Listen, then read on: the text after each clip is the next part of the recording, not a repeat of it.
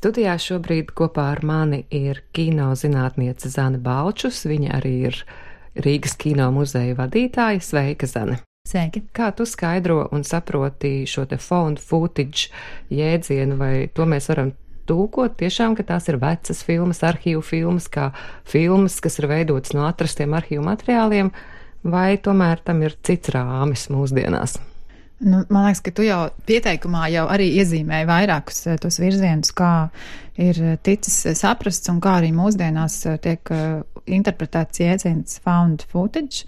Protams, no tulkojumā tā ir atrasti kino materiāli, bet mūsdienās tagad šis jēdziens tiek lietots arī kā tāds subžāna apzīmējums, kā tās ir inscenētas filmas, kurās tiek integrētas epizodes vai integrētas it kā agrāk uzņemti kino materiāli, kas ir atrasti un kaut kādā kontekstā tie parādās filmas sižetā. Nu, viens no tādiem spilgtākajiem paraugiem, arī pēc kura parādījās arvien biežāk un arvien vairāk šādu filmu, bija filma Blērs Ragans no 1999. gada, kas bija arī šī te mockumentary, tā kā viltus, nu, veidot kā tāda viltus dokumentālā filma par jauniešiem, kuri tādā savā izpētes projektā devušies filmēt uz eh, vietu, kur notiek dažādas tādas mistiskas eh, parādības, un šis materiāls, ko viņi it kā ir uzņēmuši, ir ticis atrasts. Un tas arī ir kā šis found footage, šie kino materiāli, ko viņi ir it kā uzņēmuši. Bet te arī parādās tas it kā dubultais inscenējuma elements, ka būtībā tā ir filma par citas filmas eh, veidošanu. Tagad droši vien visvairāk mēs to varam saprast šādā kontekstā, Bet, protams, ir jau arī iepriekš, un ir arī citos žanros un citās eh, teritorijās veidotas filmas, kuras izmanto, piemēram, amatieru kino filmējumus, kas, teiksim, nav varbūt tieši saistīti ar pašu filmas eh, autoru, bet uh, kas tiek arī interpretēti kā tādi. Un viens no šādiem arī tādiem dokumentālā kino piemēriem ir Vitālija Mānska filmā Privātās kronikas monologs, kurā viņš uh, konstruē kādu cilvēka dzīves stāstu no viņa dzimšanas līdz viņa nāves dienai. Un šis materiāls, ja mēs par to tā skatoties daudz nedomājumu, šķiet kā ļoti organisks un savstarpēji ļoti vienots un tiešām varbūt viena cilvēka dzīves dokumentācija, bet patiesībā tas tiešām ir veidots no dažādiem amatieru filmējumiem. Vai mēs varam par šādu žanrām filmām runāt Latvijā?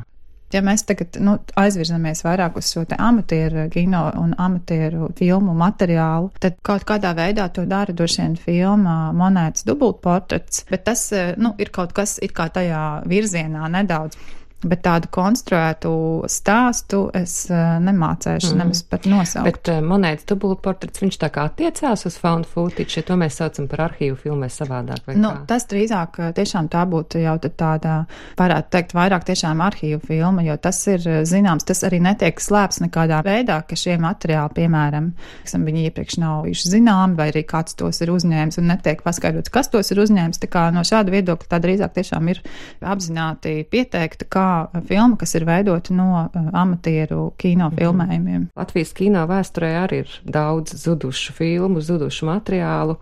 Pirmās piecas Latvijā uzņemtās filmas nav saglabājušās, tas savā grāmatā rekonstruē, nu, pētījuma formātā rekonstruē Inga Pērkone. Vai mūsu kino vēsturē arī ir bijuši gadījumi, pārsteigumi ar atrastām filmām vārdu tiešā nozīmē?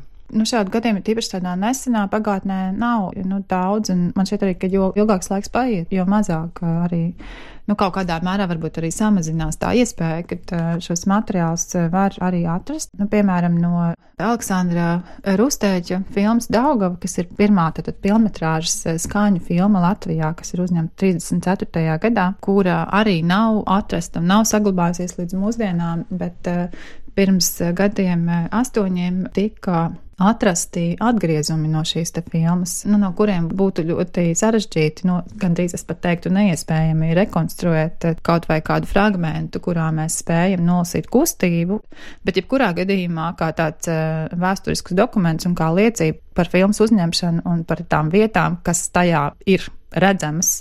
Nu, šis atradums ir tiešām ļoti, ļoti būtisks.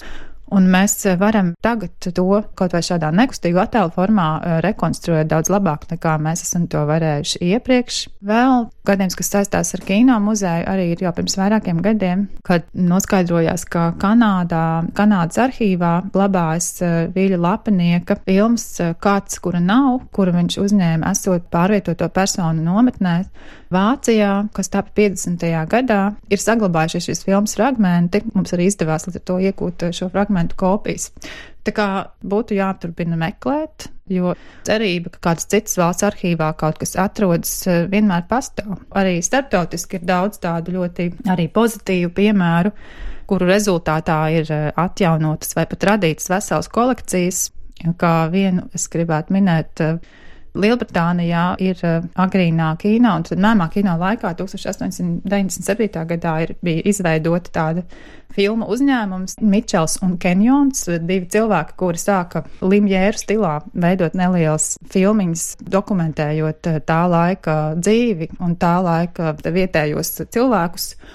Un uh, 1994. gadā tika atrasts ļoti liels negatīvu kopums ar šīm te viņu filmām, jo līdz tam bija zināms, ka viņi ir veidojuši kādas inscenētas filmas, bet šis dokumentālais mantojums bija zudis. Un tagad tas ir kļuvis par vienu arī tādu no Lietuvas vēstures raksturojošiem filmu kopumiem. Un uh, arī Dan ir tāda studija Lobster films Parīzē, kuri arī nodarbojas nemitīgi ar to, ka viņi meklē mērtiecīgi šos te vecos kino materiālus, meklē vecās filmas un arī ar ļoti labiem rezultātiem viņiem izdodas arī daudz ko atklāt, daudz ko atrast un arī restaurēt un parādīt uh, sabiedrībai, kas nav bijis iespējams, teiksim, simts gadus vai vairāk. Jā, nu, iespējams, ka viens no šiem piemēriem arī ir, es raidījuma sākumā stāstīju par atrasto Tevo Tūlio sadegušās filmas fragmentu, kas arī 2015. gadā tika atrasts Parīzē un tagad ir ieguvis jaunu dzīvi cita režisora īsmetrāžas filmas formātā.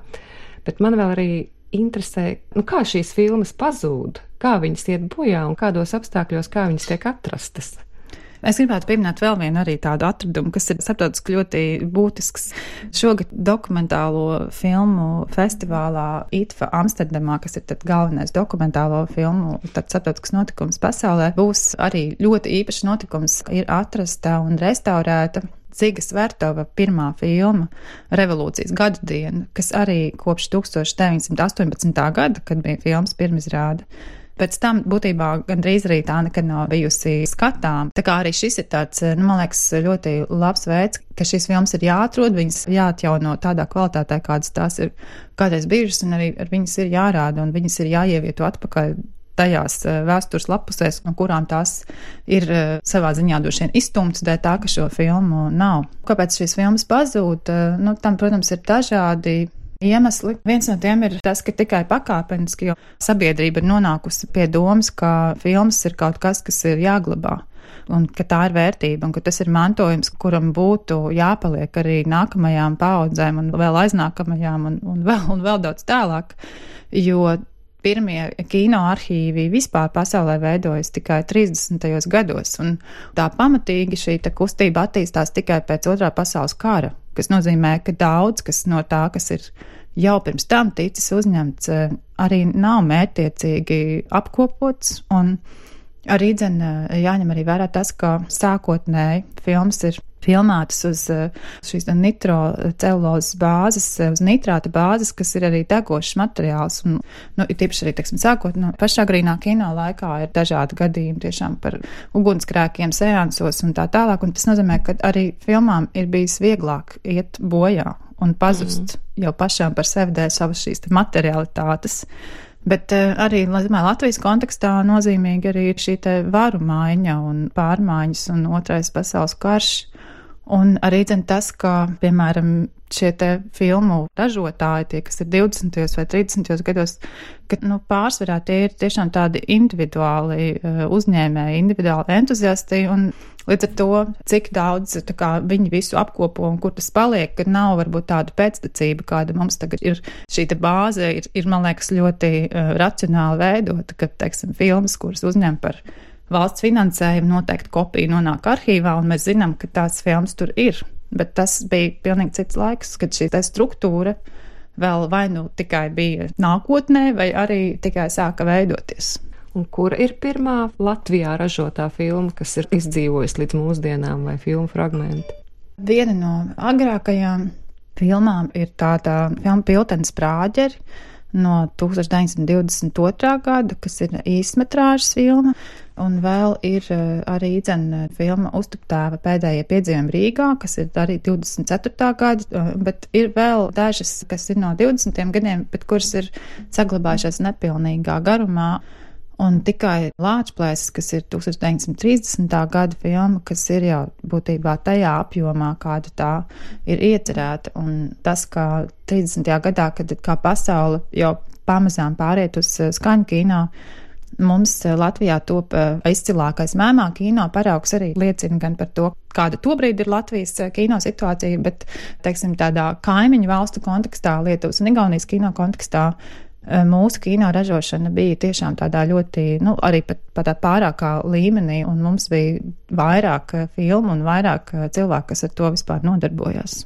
Un vēl par to, kā šīs filmas atrodas. Nu, piemēram, kā atradās Rusteļa Daugavas fragmenti, kur viņi atrodas. Es domāju, arī šīs situācijas ir dažādas, kad, piemēram, tādi, nu, mērtiecīgi meklējumi bieži vien rezultējas tajā, ka tiek uzrunāti, piemēram, nu, jo ir jāsaprot arī, teiksim, ka starptautiski arī citos filmu arhīvos ne visi materiāli ir līdz galam atšifrēti. Ir pat arī nu, tāds tā kā tīkls, būtībā vai nu informatīvs tīkls, vai man šeit arī iepriekš bija mājaslapa, kurā arī, teiksim, nu, tādi lielākie arhīvi arī liek tādus neidentificētos darbus ar cerību, ka varbūt kāds viņus atradīs. Bet tā kā viens ir mērtiecīgi mēģināt kontaktēties to šiem ar dažādu valstu arhīviem, ar kuriem ir zināms, ka ir kaut kāda saikne varbūt šajā filmā bijusi. Bet, uh, piemēram, Daugavas gadījumā tas bija pateicoties tam, ka kino muzejā bija izstāde veltīta Leonīdam Lēmanim, un tas kaut kā starp citu parādījās vienā no sarunām ar viņa ģimeni, kuriem mājās esot maza kastīte ar uzrakstu Daugava, un tad tas arī tika atrasts, kas tur ir iekšā. Tā kā šie stāsti ir dažādi, un cik es zinu, arī tādi starptautiski eh, šeit arī restauratori un, un mēmā kino kopēji. Viņi arī bieži vien, piemēram, brauc uz citām valstīm un arī apmeklē tiešām antikvariātus vai ļoti specializētus tirdziņus ar cerību, ka kaut kas kaut kur vēl arī parādās iedziļinoties un meklējot, eh, ļoti daudz ko arī var atrast. Es ceru, ka tas varētu būt arī pamudinājums mūsdienu filmu producentiem domāt vairāk arī, kur paliek ne tikai viņu filmas, kur viņi zina, ka viņas ir, piemēram, arhīvā, bet uh, arī kur paliek visas citas lietas, kas ar filmām saistās, jo, jo vairāk laiks paiet, jo interesantāk tas kļūs. Viņiem jānes uz kino muzeju. Jā, viņiem jānes arī uz kino muzeju.